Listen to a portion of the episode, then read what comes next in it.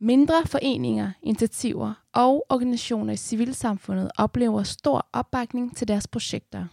Men der mangler ofte vigtig støtte til driftsmidler. Utilstrækkelige budgetter resulterer i dårligere kvalitet og usunde arbejdspladser. Sådan skrev Mathias Findalen for præcis et år siden i september 2021. Dengang var han selv ansat hos en af de mindre organisationer i civilsamfundet, som søger midler i det danske fonde. Og nu sidder han på den anden side af bordet, som programansvarlig hos en af de fonde, der er med til at dele bevillinger ud. Så i dag vil jeg høre om, hvilke tanker han nu gør sig om fondens magt, om hvordan han forholder sig til de udfordringer, han udpegede for et år siden.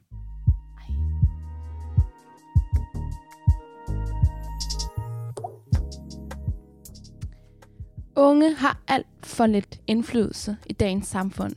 I hvert fald, hvis du spørger mig. Mit navn er Manila Gafuri, og jeg er på en mission sammen med Ungdomsbyrået om at sikre unge mere magt. Jeg ønsker forandring, og det kræver magt. Så derfor så vil jeg undersøge magtbegrebet ud fra forskellige vinkler. Jeg vil tale med mennesker, der beskæftiger sig med magt, lige fra aktivisten, der demonstrerer i regnvejret, til den politiske elite, der afgør vores fremtid. Alt sammen for at finde ud af, hvordan vi unge kan, være, kan få mere magt i samfundet.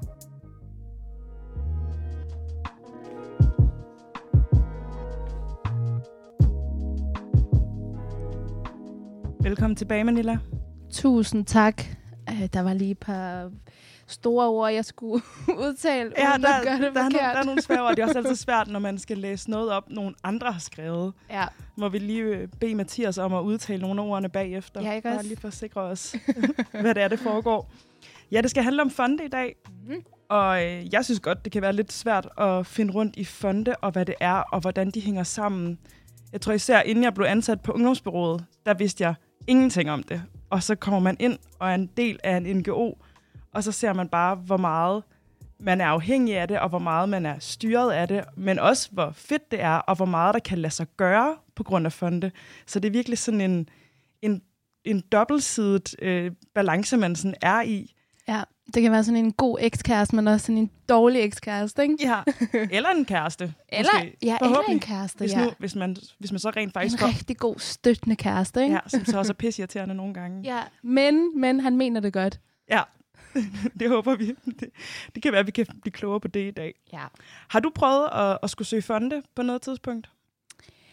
Jeg har ikke prøvet som privatperson, øh, men jeg vil sige, at jeg har arbejdet sådan med direkte eller indirekte med det i forhold til, at jeg selv er jo en del af Repolitics, og, og selv har stået sådan meget ved siden af det der med sådan, øh, der, er jo, der bliver jo snakket højt om, når man øh, skriver en stor ansøgning til en fond, så, så bliver der jo tit snakket om, okay, enten så skal vi fejre vores forening og fejre, at vi kan fortsætte, og ellers så bliver det en farvelfest.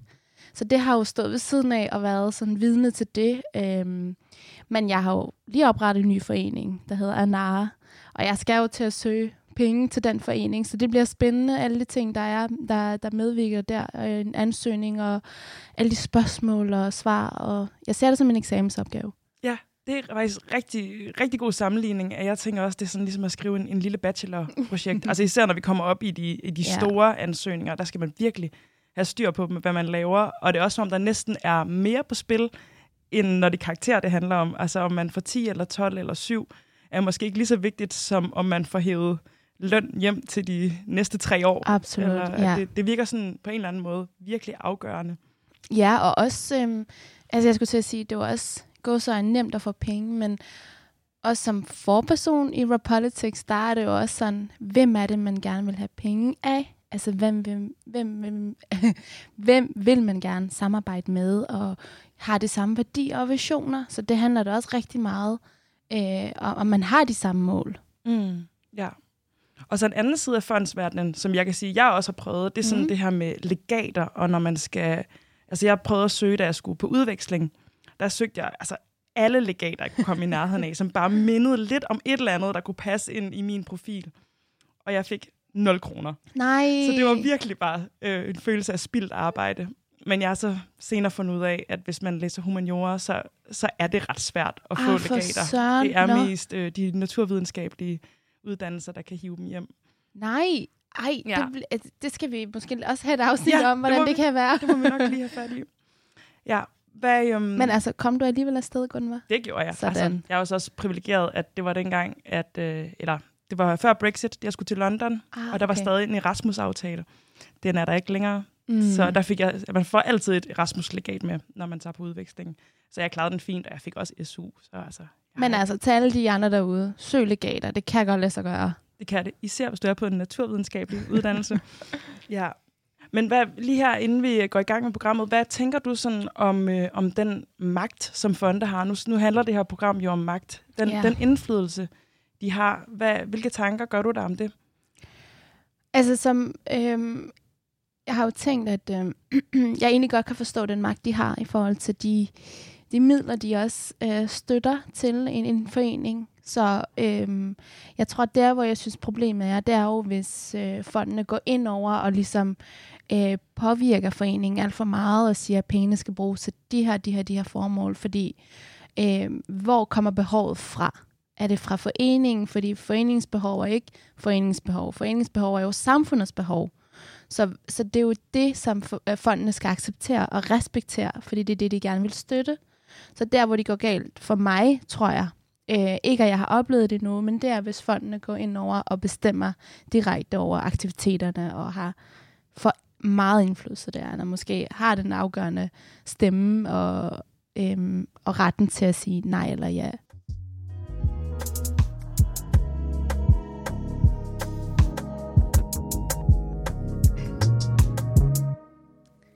Okay, så i dag der skal det jo som nævnt handle om fonde og hvilke rolle de kan spille i forhold til, hvorvidt idéer bliver til virkelighed.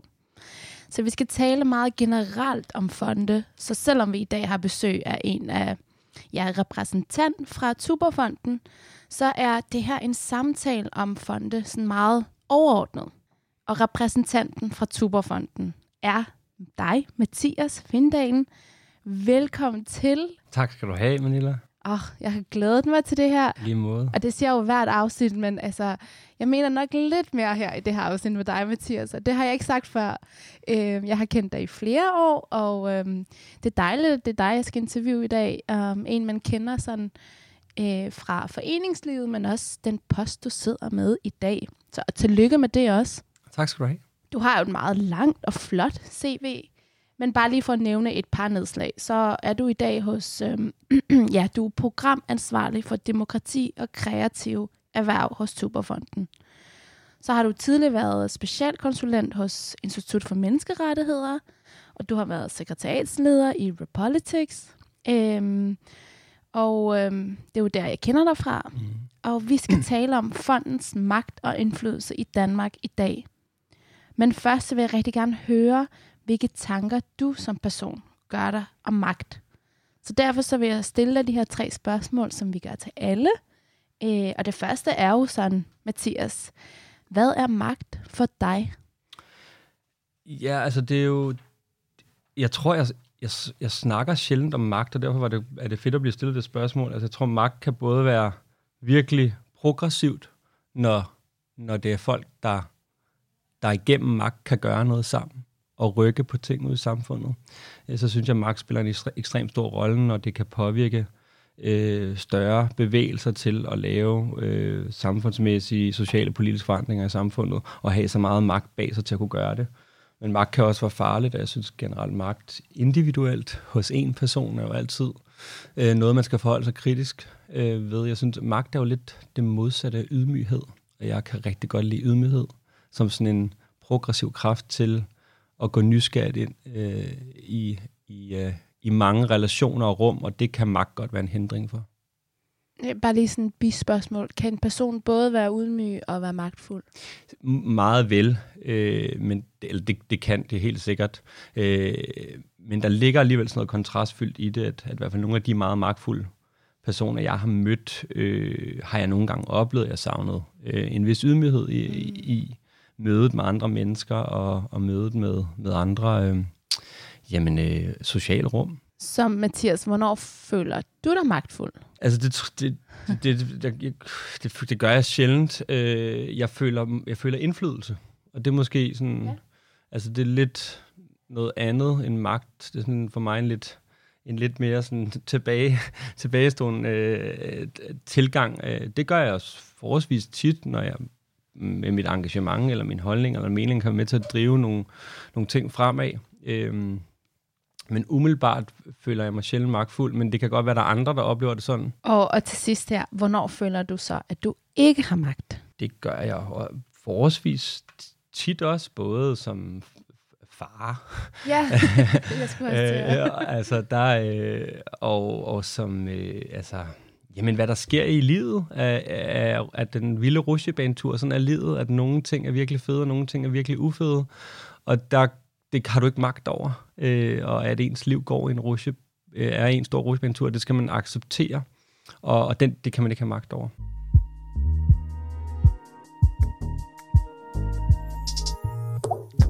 En fond det er en selvejende institution, der fungerer som en selvstændig juridisk person med egen formue og som typisk bliver anvendt til at støtte velgørende formål. Der er ingen krav til, hvem der må oprette en fond, og øh, det kan derfor både gøres af en person, af et selskab eller af en sammenblanding af forskellige aktører. Der findes forskellige former for fonde, hvilket kommer til udtryk i deres formål. Fonde kan opdeles i erhvervsdrivende og ikke erhvervsdrivende fonde. En erhvervsdrivende fond, den driver virksomhed, mens typiske eksempler på ikke erhvervsdrivende fonde er almen velgørende fonde og familiefonde.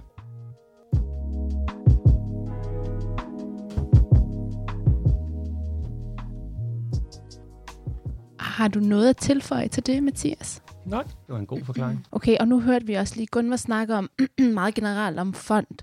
Og jeg tænker, der er måske også mange af vores øh, lyttere, som måske ikke lige er sådan en del af den fondsverden, som du måske er en del af.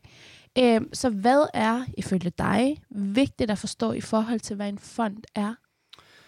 Ja, altså det, jeg er jo også ret ny i det, skal lige sige. Så jeg har kun ja. været, øh, været et halvt år i den her øh, verden. Øhm, og, og fonde er rigtig, rigtig mange ting. Øh, og jeg, der er en stor del af fondsverdenen, jeg ikke kender til, især de erhvervsdrivende fonde. Mm. Øh, så, så der vil jeg ikke være den rette at spørge, men jeg tror, det er vigtigt at sige, at, at øh, fonde er mange forskellige ting, og er meget varieret.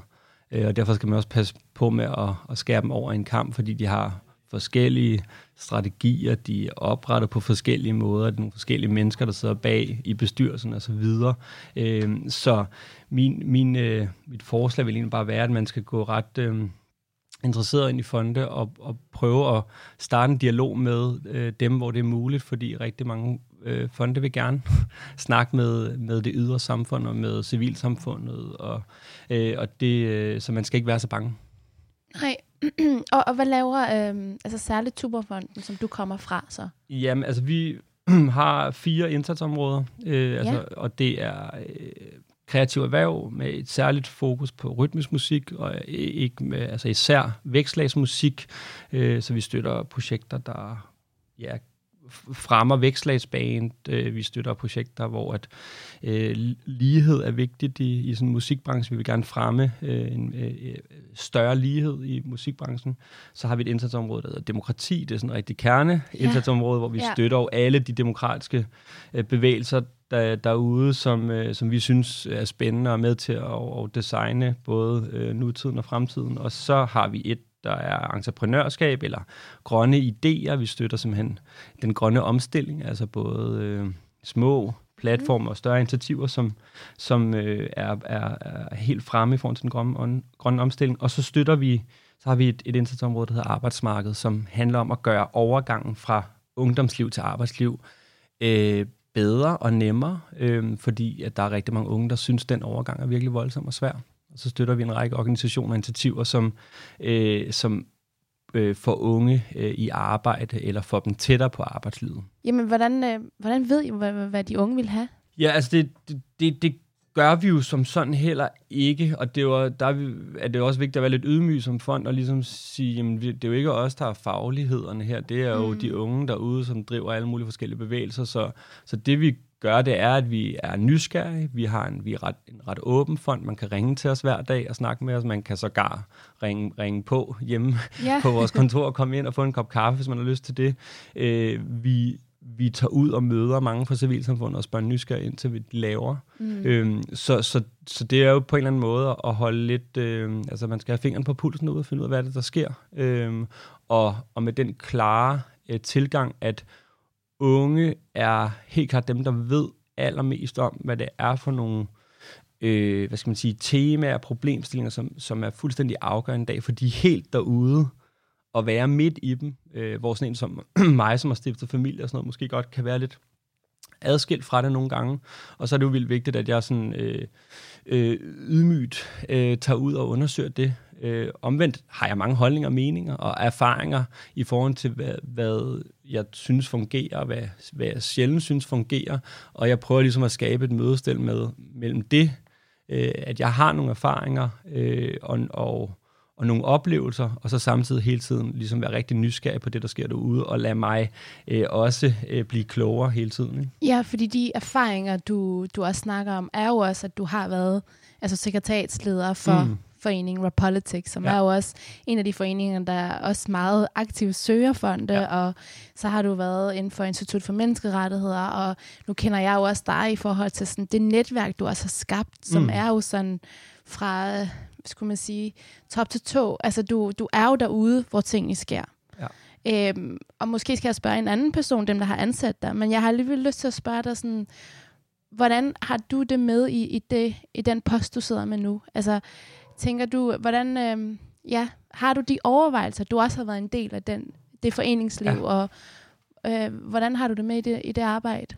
Jamen, det fylder meget, og, og, øh, og har også været et... Øh, et svært, men et, et godt skifte og, og prøve at komme over på den anden, anden side af bordet, forstået på den måde, at, at nu skal jeg ikke længere gå ud og hele tiden kæmpe for at hive øh, midler ind til det arbejde, jeg er en del af, men jeg skal ligesom være med til at, at forsøge, om jeg kan understøtte mm. nogle af dem, der, der gør det derude. Øh, så, så jeg synes, jeg har nogle, nogle ledede erfaringer fra civilsamfundet i 10-15 år, som, som gør, at jeg, jeg oplever, at jeg kan forstå en række civilsamfundsorganisationer på en anden måde, end måske nogen, der har siddet i fondsverdenen i 20-25 år kan.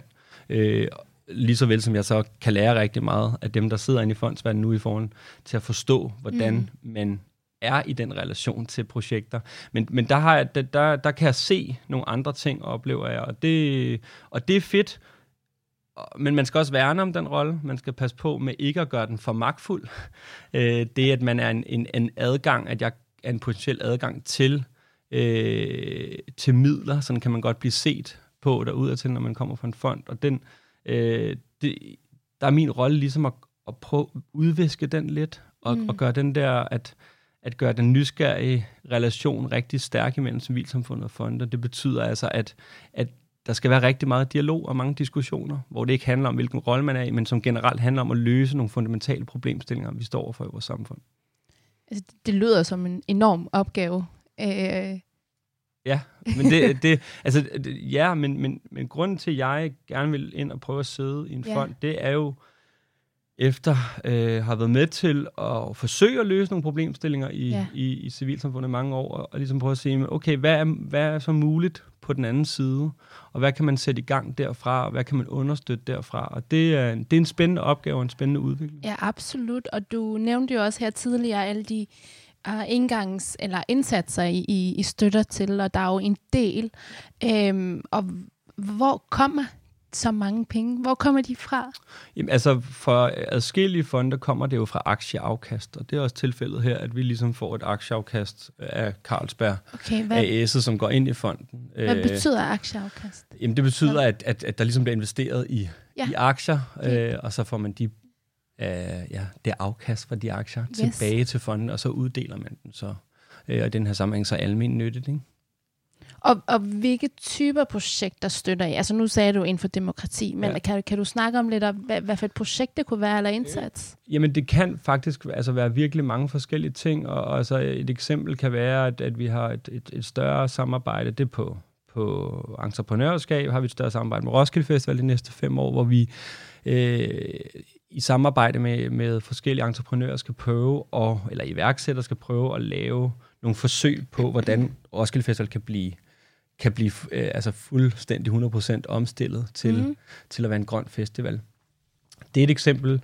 Vi har et samarbejde med DIFUNK, øh, Dansk Flygtningehjælp Ungdom, hvor vi støtter øh, både mentorer og samarbejder med kommunerne og forskellige relationer, som gør, at adgangen fra unge med, med flugterfaringer mm. ind på arbejdsmarkedet bliver, bliver nemmere. Øhm, så kan vi støtte helt små projekter. Vi har det, der hedder en drømmepulje, som, yeah. hvor man kan søge op til 100.000, og det er jo, det mening med den pulje er jo, at alle unge mellem 16 og 30 år skal kunne øh, på en ret øh, tilgængelig måde øh, få mulighed for at søge midler. Og der kan man, altså der har vi støttet øh, fuglekasser på et, eller etablering af fuglekasser ja. på et campus for biodiversiteten, til øh, at støtte øh, Horsens Pride for unge. Altså det, det kan være mange forskellige ting, øh, og det kan jo være helt ned til 4.000 kroner, ja. øh, som mm. kan være ekstremt fedt for en 17-årig, der sidder i Tisted og skal søge, nogle, øh, skal søge penge for første gang, og så få de 4.000 kroner til at gøre et eller andet, man virkelig har drømt om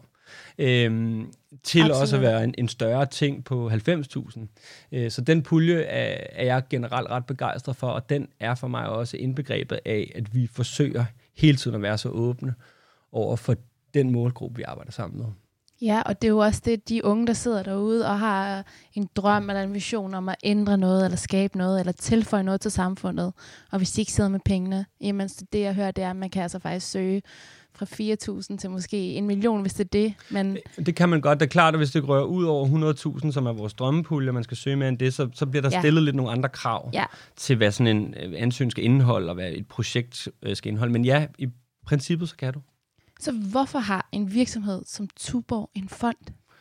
Jamen, det er jo meget generelt for mange, at, at de virksomheder, som etablerer en fond, det er jo, at de gerne vil øh, spille øh, ved siden af deres sådan hele marked og deres PR-strategi, øh, så vil de gerne spille en positiv indflydelse i samfundet. Og så kan man have forskellige holdninger og meninger til det, men, men, men fonde er i dag blevet en, en ret solid og stærk kraft i at løse øh, fundamentale problemstillinger i samfundet, som ikke kan blive løst fra, fra staten af, altså fra både fra Christiansborg og også fra alle de myndigheder knyttet til det. Måske på grund af ressourcer, måske på, på grund af alle mulige andre ting, men det gør, at i over de sidste mange år har fondet taget en meget mere sådan tydeligere, et tydeligere indspark og kraft ind, ind i at gå, at gå helt sådan konkret til værks i, og ikke bare kaste midler hen til projekter, men også være med til simpelthen at gå ind og, og, og, og sige, at vi vil gerne være progressive og med til at løse øh, alt fra, fra problemer hos børn og unge til den grønne omstilling til øh, ar- øh, til unge, der er væk fra arbejdsmarkedet osv. Ikke? Ja, og det er jo netop den snak, vi skal tage lige om lidt i forhold til deres indflydelse af de projekter, som de støtter til.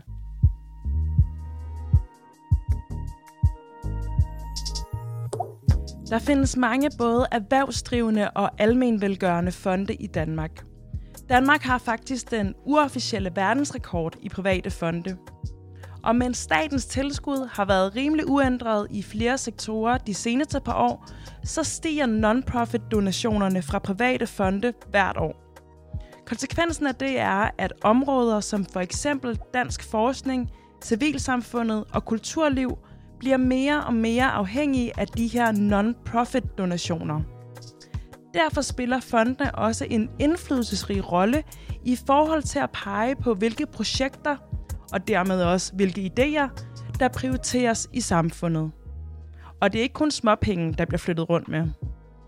De tre mest bevilligende fonde i 2021 i Danmark, det var Novo Nordisk Fonden, Lego Foundation og Willum Fonden.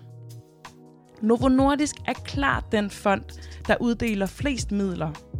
Den bevilligede næsten 8,8 milliarder alene sidste år. Lego Foundation den indtager andenpladsen og uddelte 2,8 milliarder. Superfonden den ligger på plads nummer 35 blandt Danmarks mest bevilligende fonde og uddelte i 2021 72 millioner til forskellige projekter.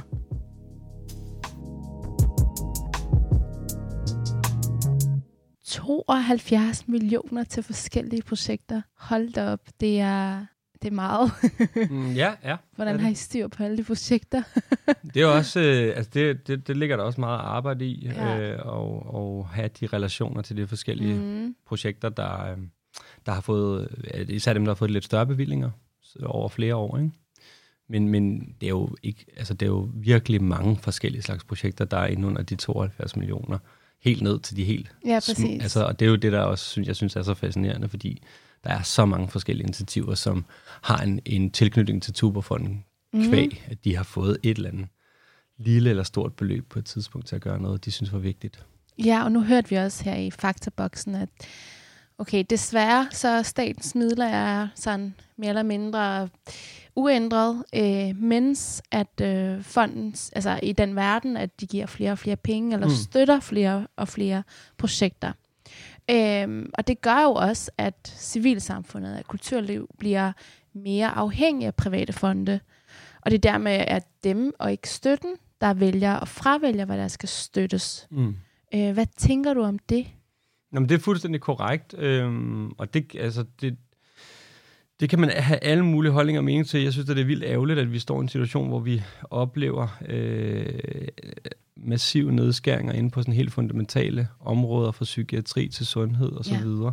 Øh, og der, der er det jo rimelig afgørende, at man har nogle private fonde, som måske kan byde ind og, og, og hjælpe til, og især på kulturområdet, hvor vi generelt de sidste 10 år har set, at det bliver mere og mere nedprioriteret, så er det jo vildt vigtigt, at, at det trods alt faktisk er et område, som hos fondene stadig er, er ret øh, er noget, man kigger hen mod og gerne vil støtte op omkring, og det der er utallige fonde, der støtter helt ned fra klassiske koncerter til at få købt øh, nyt flyl til, til et musikhus, til, til alle mulige forskellige ting, at, at der er de muligheder, fordi ellers så ville det, så ville det være, så, ville det stå svært til. Øhm, så, så jeg ser ret positivt på det. Mm. Øh, Ja. men, men man skal jo altid, øh, der hvor, hvor pengene kommer fra, skal man jo altid øh, have et, et godt øje øh, på at kigge, øh, om, det, om, om pengene bliver brugt rigtigt, og at, har det den rette gavn for vores samfund, og er vi med til at løse øh, nogle af de ting, vi gerne vil løse i vores samfund. Det, der, det er fuldstændig vigtigt. Så man skal ikke bare kigge naivt på alle de midler, der bliver givet for private fonde, man skal også forholde sig øh, sådan øh, kritisk til dem og, og sige, er det, er, det, er det vigtigt? Mm. og jeg har egentlig øhm, ja, talt med flere fra andre organisationer, som har nævnt det her med, at de oplever, at fonden har ret øhm, at de har ret sådan tydelige ønsker til, hvilke projekter, som de gerne vil give bevillinger til. Mm. Og man som ansøger skal måske udfylde en brik, en strategi. Mm. Kan du genkende noget af det? Ja, det kan jeg bestemt. Altså, jeg kan genkende det også selv som, som en del af civilsamfundet. Ja. Øh, og det, som jeg synes, er det er stadig ærgerligt og et stort problem, det er, at man kan bruge virkelig, virkelig meget tid som civilsamfundsorganisation på at sende en ansøgning afsted, øh, som, som tager så meget, altså mange kræfter og tid for sådan en lille bitte organisation, og så ender du med at få et afslag. Og måske får du ikke engang feedback, og måske får du ikke engang at vide, at det her kan du gøre anderledes, for at du måske kan komme igennem til næste bestyrelsesmøde. Og det synes jeg er et, et, et stort problem, at, at for mange fonde øh, stadig har den måde at operere, øh, operere på i forhold til, til dem, der, der ansøger. Øhm, jeg tror, der er ved at ske noget. Øhm, Ja, jeg, jamen jeg, jeg tror, at mange fonde gerne vil have en tættere relation på dem, der ansøger. Øh, lige præcis af den grund, at de godt kan se, at, at øh, det er vigtigt, at man i samarbejde med ansøgerne får, får styrket projektet øh, og, og griber det potentiale, der muligvis er, og er med til så at understøtte det, sådan så det helt præcis kan falde ind under strategien og, og komme igennem øh, bestyrelser og så videre. At, at, at det man er meget mere interesseret i, i stedet for øh, at holde en, en distance, en afstand til dem, der ansøger. Og, og helt konkret ja. i, i Tuberfonden, der har vi jo meget, meget tætte Øh, altså, vi har mange møder med dem, vi indstiller øh, Mm. til, til vores bestyrelse. Øh, simpelthen for at være med til at kvalificere det potentiale, der er i de projekter. For der er altid et enormt potentiale i de projekter, der kommer ind, som vi, vi vælger videre. Ikke? Øh, og og det, skal man, det skal man med til at løfte, fordi man, man har nogle erfaringer øh, fra at sidde i, fond, i en fond til at kunne få det igennem en bestyrelse. Dem, dem skal man bruge, fordi vi er mest interesseret i, at så mange projekter som muligt kan komme igennem, hvis de løser noget, vi synes er vigtigt. Og det gør det jo, hvis vi indstiller dem til, til, til bestyrelsen. Ja, fordi det er jo også et øh, spørgsmål om, om altså behov eller udfylde en brik i fondens strategi måske. Mm. Altså er det, øh, øh, gør det fondene for deres skyld, for at kunne øh, fuld, fuldføre deres strategi, eller er det for at kunne øh, at hjælpe til eller støtte de projekter, der er. Og det er jo også sådan, altså en som dig, Mathias, der har ligesom er stadig en del af civilsamfundet, sidder med den post, du, du gør. Øh, og det får mig jo til at tænke på, at der måske ikke er andre i, i lignende poster, som har den erfaring fra civilsamfundet. Øh, tænker du, at det måske er måske en sådan nødvendighed, at, mm. at man skal ligesom have den erfaring med fra civilsamfundet for at kunne se... Øh... Jeg tror, der er flere fonde, som begynder at ansætte flere folk fra civilsamfundet, er mit indtryk. Og, og det skal jo sige, at der er mange fonde, som ikke støtter så meget organisationer eller projekter i civilsamfundet, som støtter noget helt andet, som mm. ligger uden for det. Ikke? Men, så, så det varierer, men, men selvfølgelig er det, er det vigtigt, at man har nogle, nogle oplevede erfaringer fra, fra fra det, man gerne vil støtte øh, for, for, for, for, for, for det respektive fond. Og jeg bruger det meget i mit arbejde, de erfaringer, jeg har. Øh, men jeg skal jo også erkende, at de erfaringer, jeg har, det behøver ikke at være øh, de fuldstændig sådan, sandfærdige erfaringer. Øh, det kan jo også bare være mine egne oplevelser, som ja. nogle andre organisationer har nogle helt andre Absolut. oplevelser med, og det skal jeg jo, være, det skal jeg jo have en ret stærk forståelse for. Mm. Øh, ja. Ja, og jeg startede jo øh, med at citere her i programmet øh, dig for en artikel, som du har skrevet sidste år øh, med overskriften Tidligere foreningsleder. Manglende driftsmidler nedslider små organisationer. Mm. Kan du egentlig i forlængelse af den snak sætte lidt flere ord på den problematik, som du i tale sætter i artiklen? Ja. Det tænker jeg er stadig relevant. Ja, ja, bestemt. Altså, det er ekstremt svært at få øh, modtage driftsmidler som øh, en lille organisation eller forening. Øh, det, og, og, og faktisk må jeg jo erkende, at det er det faktisk for stort set alle, også de store organisationer derude. Øh, det er nogle midler, som er rigtig, rigtig svære at få, øh, og det gør jo, at, øh, at, at man er skrøbelig som organisation, fordi midlerne til driften er jo det, som er lim. Det er jo administration, det er husleje, det er frokostordning, det er alt det, som det er at få lavet mus-samtaler yeah. fra sin ansatte, det er at, at skabe nogle, øh, nogle omgivelser, så man kan få en, en forholdsvis sund arbejdsplads. Og, og det er stadig noget, som er rigtig svært at, at hente ind, og, og jeg oplever, at flere i fondsverdenen bliver nysgerrige på det og åbne for at finde nogle løsninger for det. Øh, det stiller jo så også nogle andre krav, hvis man skal begynde at også kunne formidle til drift. Og det er jo krav om, at man, at man faktisk, øh, det arbejde, man laver, faktisk er baseret på, altså at vi ved, at det, man gør, den metode, man bruger, er gavnlig. Altså at man laver noget arbejde, som går ud og udfylder nogle, en, en vigtig rolle i vores samfund og med til at løse nogle fundamentale problemstillinger. Så det, hvis, hvis man skal åbne op for driftmidler, som jeg mener er vigtigt, så, så stiller det også andre krav til organisationer om, at, at de skal blive stærkere på deres fortælling, og skal blive rigtig, rigtig tydelige på det arbejde, de laver i forhold til, og hvis, hvis man simpelthen skal have midler til de næste 4-5 år til driften, så skal det jo også være, så skal man også vide, at den organisation virkelig laver noget, noget solidt arbejde, der gavner. Og, og hele ja. det der er svært. Det, som jeg i den artikel også opfordrede til, var, at, at man får flere organisationer, små organisationer til at arbejde sammen og få skabt platforme sammen, hvor man simpelthen, simpelthen dækker, altså hvor man øh, fem organisationer, der sidder sammen, og så har de den samme administration. Så de ikke skal have fem forskellige bogholder og fem forskellige frokostordninger, fem forskellige huslejer, at man prøver at køre nogle af de der ting sammen, øh, fordi så vil man få have mindre af den slags arbejde, som er rigtig hårdt for en lille organisation med måske tre en halv ansatte og øh, mm. 50 frivillige. Ja. Øh, så det er noget af det, som jeg, jeg tror, man kan åbne op for at kigge ind i sådan nogle løsningsordninger af at få flere, få skabt nogle flere gode platforme af forskellige civilsamfundsorganisationer, der arbejder sammen og hvor man kan støtte hinanden i driften, frem for at sidde som sådan nogle isolerede, isolerede øh, små entiteter rundt omkring, som, som alle kæmper med at, at opretholde deres drift. Ja, fordi jeg tænker, altså grunden til, at de netop sidder forskellige organisationer rundt omkring, og det jo, må jo også være, fordi de har forskellige øh, visioner og om, om det ønskede samfund, og hvad det vil ændre. Men for eksempel som et sted som Verdenskulturcenter, eller det, mm. der kaldes Union, ja. kunne jo være et sted, hvor at de, er, de har tag over forskellige organisationer, ja. men så kunne det være et sted, hvor du kunne sige, når man, så kunne vi for eksempel give driftsmidler til et sted som Union. Et, ikke, altså nu kender jeg jo den ikke i forhold til, om det er, nu tror jeg, det er mere kommunalt, det ja, der det, er. Det, ja. ja. Men, men så, så er der jo et andet sted, hvor I skal give driftsmidler til, for at det kan fungere. Altså, så, så driftsmidler er jo også er lige med flere penge, og de ja, ja. løsninger, du også snakker om, er jo også lige med flere penge. Ja. Altså, er, er det en prioritering, I, I kunne gøre, hvis I kan se en det, altså Fordi... det, det, det kan jeg ikke udtale mig om i forhold Nej. til sådan respektivt øh, Tuberfonden. Øh, det jeg kan bare sige, det er, at en betragtning for mig af er, at, at hvis man skal få mere ud af organisationerne øh, derude, og få deres resultater til virkelig at have effekt og gavn i samfundet, så skal der være flere og bedre muligheder for, at små organisationer får øh, mere støtte til deres drift.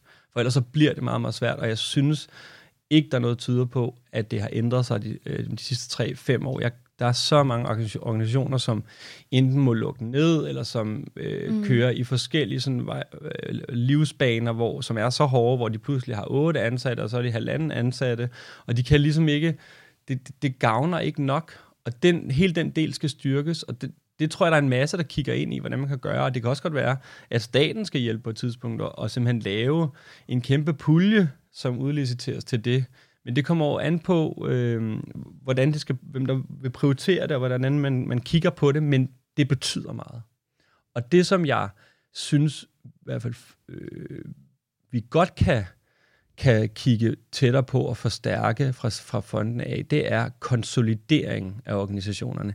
Ikke bare aktiviteterne og det, at organisationer får lov til at arbejde med en problemstilling, men også at organisationer får lov til at konsolidere sig. Hvad betyder det, det, det? betyder, at de bliver at organisationen bliver simpelthen stærk, altså den bliver forankret, den kan, den kan leve i mange, mange år, og man får støtte til at organisering, og simpelthen at gøre organisationen stærk, som også betyder, at hvis du har en lille organisation, der er fire ansatte, og tre af dem, de siger op inden for tre måneder, eller en bliver sygemeldt, eller en skal på barsel osv., at du har nogle systemer, som gør, at den organisation ikke falder fuldstændig midt, eller falder fuldstændig fra hinanden, men kan eksistere videre, fordi at den har fået opbakning og støtte, måske fra en fond, måske fra en offentlig pulje, til at konsolidere sig, til at gøre sig selv stærk. Men er det så ikke der, hvor, hvor, I, hvor I går ind og har måske lidt for meget indflydelse på øh, organisationens øh, altså visioner, eller hvad så, hvis det ikke vil, det ser det ikke, altså hvad så, hvis de tænker, for os handler det om at være her lige nu og her, og mm. vi vil rigtig gerne forandre de her ting. Ja.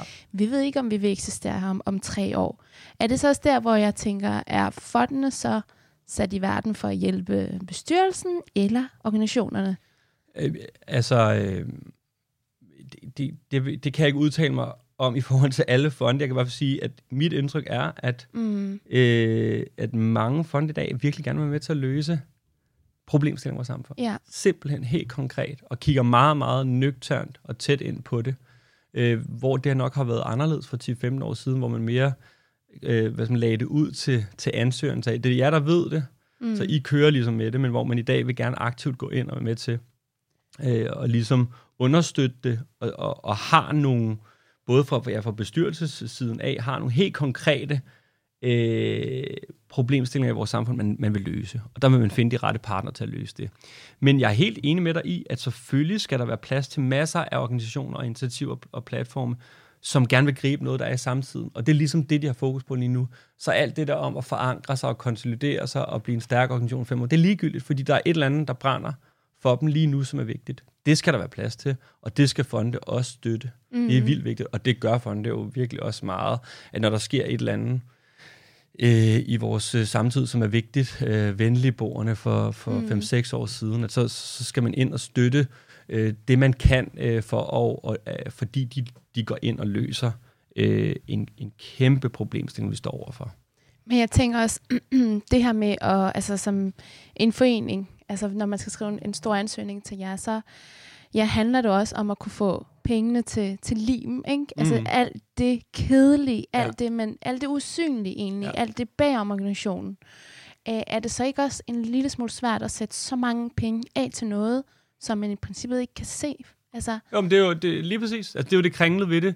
Det er sværere, og ligesom, fordi det er, er så rart at, at øh, donere midler til aktiviteter, fordi du kan se det folde sig ud med det samme. Øh, og det, det er rart og fedt at kunne se, og det, og det er derfor, det bliver sværere at støtte organisering og drift. Øh, vi kan bare ikke komme udenom, at, at, øh, at det er et, en fundamental problemstilling, vi står overfor, som er, er, er rigtig, rigtig hård, og som også gør, at der er virkelig få, øh, der klarer det i de små civilsamfundsorganisationer mm. i mange år. ja. Altså, de bliver simpelthen, ildsjælene bliver simpelthen øh, altså kørt Nedslidte, fuldstændig nedslidte ja. i det, og det, det er ærgerligt. Ja. Og der kommer der en anden, pro- en anden problemstilling, som jeg har, har stusset meget over det sidste stykke tid, det er, at mange af dem, der kommer ud og arbejder for civilsamfundsorganisationerne, det er jo ofte akademikere. Ikke altid, men det er det ret tit. Mm. Og der er intet der fra deres uddannelse, som har, altså de har ikke fået nogle værktøjer og metoder fra deres uddannelse, som harmonerer med det at skulle ud og arbejde i et civilsamfund. Øh, der er selvfølgelig nogle ting omkring at kunne lave analyser og øh, noget metode og så videre, men, men vores uddannelsessystem, øh, især på humaniora, hænger sjældent sammen med den måde, øh, de arbejdspladser, der er derude, som man kan få. Mm. Øh, og det at være en ildsjæl, eller være frivillig, og have, Mm. øh, at have noget, man virkelig brænder for, harmonerer ikke altid med, med, med det at være et, øh, en universitetsstuderende. Og det, det synes jeg helt klart godt, at man noget, man også kunne kigge ind i, og få de, de to verdener til at spille meget bedre sammen. For det gør også, at man måske vil have noget, noget større faglighed, når man kommer ud og skulle arbejde i en civilsamfundsorganisation, som ikke, øh, som ikke, altså som gjorde, at man, man var simpelthen bedre til at håndtere Ja. øh, arbejdspres og det at skulle stå ud og, og løse nogle forskellige, nogle forskellige opgaver. øhm, et, er, er der egentlig, det ved jeg ikke, om du kan svare på, Mathias, men er der snak om at kunne øhm, skrive en ansøgning baseret på fem år, lad os sige det, fordi det gør jo, at organisationen kan stå stærkere og sige, når vi har fået midler fem år. Der er masser af fonde derude, som støtter organisationer over fem år til, til, til øh, et, et, et, et større projekt. Øh, I Tuberfonden gør vi det sjældent over fem år, men altså, og hvis det er fem år, så er det nok nærmere sådan et, det, vi vil kalde et partnerskab. Altså, øh, men det gør vi i nogen sammenhæng, ja. Ja, for jeg tænker, det gør jo også, at- man løser den Ja. store Ja. del af, Ja. af problemet, der hedder at, kunne, at en forening skal kunne fungere, og Ja. alle skal kunne trives i det store arbejde, de Ja. også øh, laver i samfundet. Det er rigtigt, men Ja. men der er en, en, en vigtig fodnote til det, til det er så bare, at, man, at dem, der så søger, lad os sige, man får en femårig bevilling, skal blive ret, øh, altså man skal være ret tydelig på, hvordan man så vil finansiere sig selv bagefter. For det er jo klart, hvis man som fond har støttet et projekt i fem år, så vil man måske, man vil gerne, man vil gerne være almen nyttig, man vil gerne Mm. støtte så mange som muligt, så vil man nok ikke støtte det projekt igen, eller det kan godt være, man ved det, men, men chancen for det er måske mindre, og derfor så skal det, hvis man får støtte i fem år, skal det være meget tydeligt, hvad er det, hvad er din forretningsmodel, altså hvad er det, du kommer til efter de fem år, Ja, og hvor, Øh. hvorfor er det vigtigt? Jamen fordi, at det, det vil være vigtigt, når man in, altså, øh, i forhold til, at man ikke efter fem år brænder sammen. Mm. Altså man får så mange midler fra en fond, og fyrer afsted med aktiviteter og formater og metoder, og så fem år efter, så er der ikke nogen penge, der bliver overført længere fra den fond, øh, og så står man der, og så står man måske med et lige så stort øh, Øh, aktivitetsportfolio, men man har ikke nogen midler til at gøre det, så derfor bliver man nødt til øh, fra hvert år, der går, at have en, en finansieringsplan, der gør, at man på den anden side også kan klare sig og køre videre øh, med, med, det, med et lignende momentum, uden at man falder fuldstændig fra hinanden. Og det problem sker tit, desværre, at man ikke har den finansieringsplan øh, klar. Men lad os sige, at øh, de fleste foreninger og organisationer har den plan klar. Men vil der så være plads til, at alle organisationer vækster, og de er nærmest uafhængige af jer? Nej, øh, nej, og det er derfor, jeg siger, og sagde i starten, at det, det vil også stille større krav til organisationerne, hvis at de skal have øh, længerevarende støtte fra en fond, og måske også støtte, som, som berører driftsområdet, at, man, at man skal være ret meget sikker på sin metode og sine formater og den gavn, man skaber i samfundet, for den skal man kunne se. Altså den skal simpelthen kunne måle. Man kan se, okay, den organisation, det arbejde, de laver, mm. det kan vi se løser det her vi står over for i vores samfund fuldstændigt, og er virkelig vigtigt, fordi de skaber et mødested for nogle unge, eller skaber et mødested for nogle andre, som er, er helt essentielt, fordi ellers så ved vi ikke, hvad der så skal ske med den unge gruppe, for eksempel. Så, så, så det skal bare blive meget tydeligt, og der, der synes jeg stadig, det kan jeg se på nogle af de organisationer, jeg har inde til møder i Turfonden, at fortælling, altså forandringsfortælling, det man, det man gør, og det man gerne vil være med til at forandre ud i samfundet, nogle gange halter lidt, at det, den, den del godt kan styrkes. Og kunne I i den samtale sige, hvad så hvis I fortæller på den her måde? Altså, er det så der, hvor I tænker... Ja, men det kan vi godt, det kan man godt finde på, men jeg tror, at det er vigtigt at værne om den magt, man har ja. i den sammenhæng som fond. Øh, at, at, at hvis man siger noget, så er der en, nok en tendens til, at mange af dem, der skal ansøge og midler, vil lytte på det. Ja. Så derfor skal man passe meget på med det, øh, fordi at at det skal jo være dem, der ansøger, det skal jo være det, de har lyst til, og deres vilje, man skal, man skal understøtte, og ikke det, som øh, vi på den anden side synes kunne være spændende. Så man skal finde en rigtig, en rigtig god balance i forhold til det.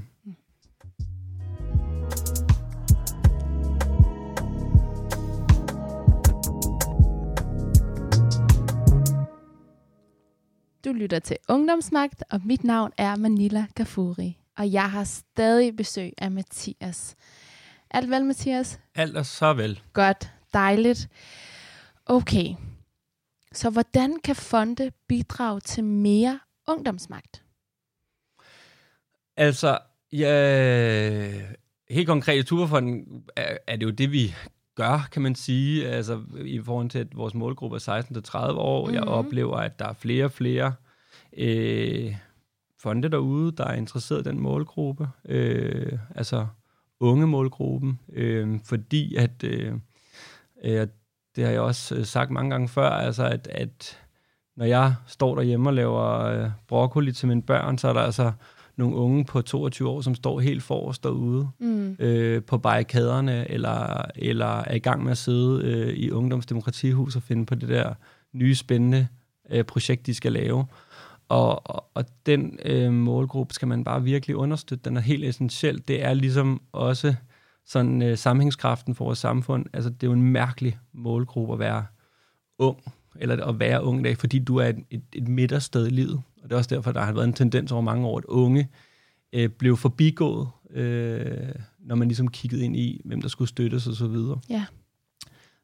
Fordi du, det er ligesom det er sådan en tid, du passerer igennem øh, motorvejen, øh, og så bliver man glemt. Men det er jo lige præcis den allervigtigste øh, målgruppe, vi har i dag, som kommer til at være vores fremtid, og som vi allerede nu skal understøtte totalt i at have de øh, kræfter til at gøre det, og turde gøre det. Øh, og det, øh, den magt skal, skal, skal vi, øh, både som observatører af civilsamfundet, og hvis man sidder i en fond, hvad i høj grad være med til at understøtte. Jeg tænker, nu er vi gået igennem det hele. Vi er kommet ind på det tunge snak om, om fond og fondsansøgninger, og øh, dig, Mathias, som, som den post, du har, der er programansvarlig. Øh, her til slut, så vil jeg faktisk egentlig bare give dig muligheden for, om du har noget slutligt at sige, om der er et eller andet, du brænder ind med, har du et øh, godt råd til dem, der sidder med deres ansøgning, eller til den unge, der sidder i Herning og skal ud og vil forandre noget? Ja, altså, og det er virkelig, at øh, nu handler det om, om fonde i dag, at jeg oplever mange øh, øh, de kollegaer, jeg møder, der arbejder i andre fonde, at de er ekstremt nysgerrige, og de vil virkelig gerne møde jer ansøgere derude, øh, og at øh, min opfordring er virkelig bare at tage fat i folk, og ikke øh, være øh, være, være så bange for det. Øh, rigtig, der, jeg kan huske det for dig selv, var i civilsamfundet, øh, at man var virkelig bange for at lave fejl, når man mødte en fond, når man har fået projektet igennem, og hvis der skete et eller andet, som ændrer sig, så turde man ikke at sige det til fonden, eller man var så bange for, at man blev bedømt hårdt, men, men det er faktisk det, jeg, det oplever jeg sjældent. Altså, vi i hvert fald i Turfonden vil virkelig gerne, hvis der sker også ændringer i et projekt, være med til at, at, at hjælpe og, at støtte op omkring de ændringer, der sker, for det, det, det sker jo. Og sådan er det også i det første møde, inden man har fået penge, det er, at vi er jo totalt åbne for en god samtale, som, som også viser, øh, hvad hedder det, usikkerhed og så videre. Øh, fordi det er, jo, det er jo noget ild, der brænder, og, mm. og ild, øh, der brænder, har også usikkerhed, fordi øh, det er en del af at, at, være, at være til stede. Så det, det vil jeg bare virkelig op, opfordre til.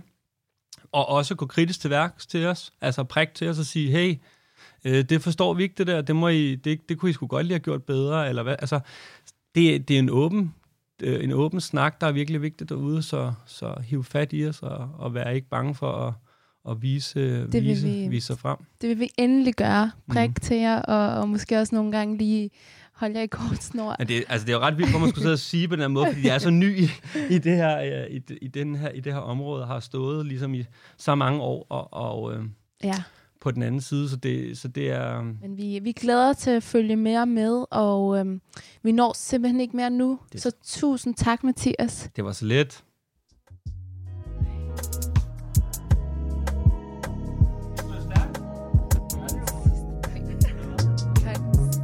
Der er lige den sidste del her. Det gør ingenting. Okay, øh, Manila, nu har jeg siddet der på sidelinjen og fulgt med. Ja. Og det er nemlig, som Mathias også lige fik sagt, det er gået sindssygt stærkt ja. og så spændende, og jeg må indrømme, at jeg sidder med rigtig mange spørgsmål. Men der er kun lige øh, ja. et halvandet minut tilbage. Fyr den af til Mathias. Er Nej, det, det var faktisk til dig. Nå, okay, ja. Det yes. var simpelthen til dig, jeg vil høre. Fordi nu har vi talt lidt om det her byråkrati og ansøgnings, øh, hvordan det er at ansøge. Og jeg kommer til at tænke på, hvis nu at vi lavet en Manila Foundation, Ja. Jeg, ved ikke, øh, jeg ved ikke, hvad for en shady business du har investeret i, hvor du har fået dine aktieafkast fra, men hvis nu vi leger, at du har 80 millioner, ja. og dem skal du de- uddele hvert år. Okay, ja. Hvordan vil du gerne have, at processen skulle være? Hvordan, hvordan skulle man ansøge Manila Foundation, hvis, øh, hvis du havde din egen, din egen fond, og det var dig, der, der bestemte, hvor pengene skulle gå til? Hvordan skulle, hvordan skulle processen være? Oh, så, så vil jeg til start med at ansætte øh, 20 fra mit netværk, som jeg ved er derude og holder demonstrationer og øh, samler folk. Så jeg tror, jeg vil gå efter dem, der virkelig vil samle folk. Fordi det betyder også, at man gerne vil ændre noget, man gerne vil rykke med nogle ting. Og så skulle de simpelthen, hver de 20 poster, øh, stå til ansvar for de ting, de gerne vil ændre. Øh, så, fordi der er jo meget derude i samfundet. Så jeg, jeg, jeg stoler rigtig meget på mit netværk. Så dem vil jeg rigtig gerne høre. Så vi skulle have nogle ildsjæle. Vi skulle have nogle ind. rigtig ildsjæle. Dem, ja. der står derude i regnvejret. Det er dem, jeg rigtig gerne vil have fat i. Der skal I have nogle gode tørskab stående derinde, når de kommer ind med alle deres regnjakker. Godt, det var det, vi nåede for i dag. Skal vi lige tage en slut, slut jingle? Yes.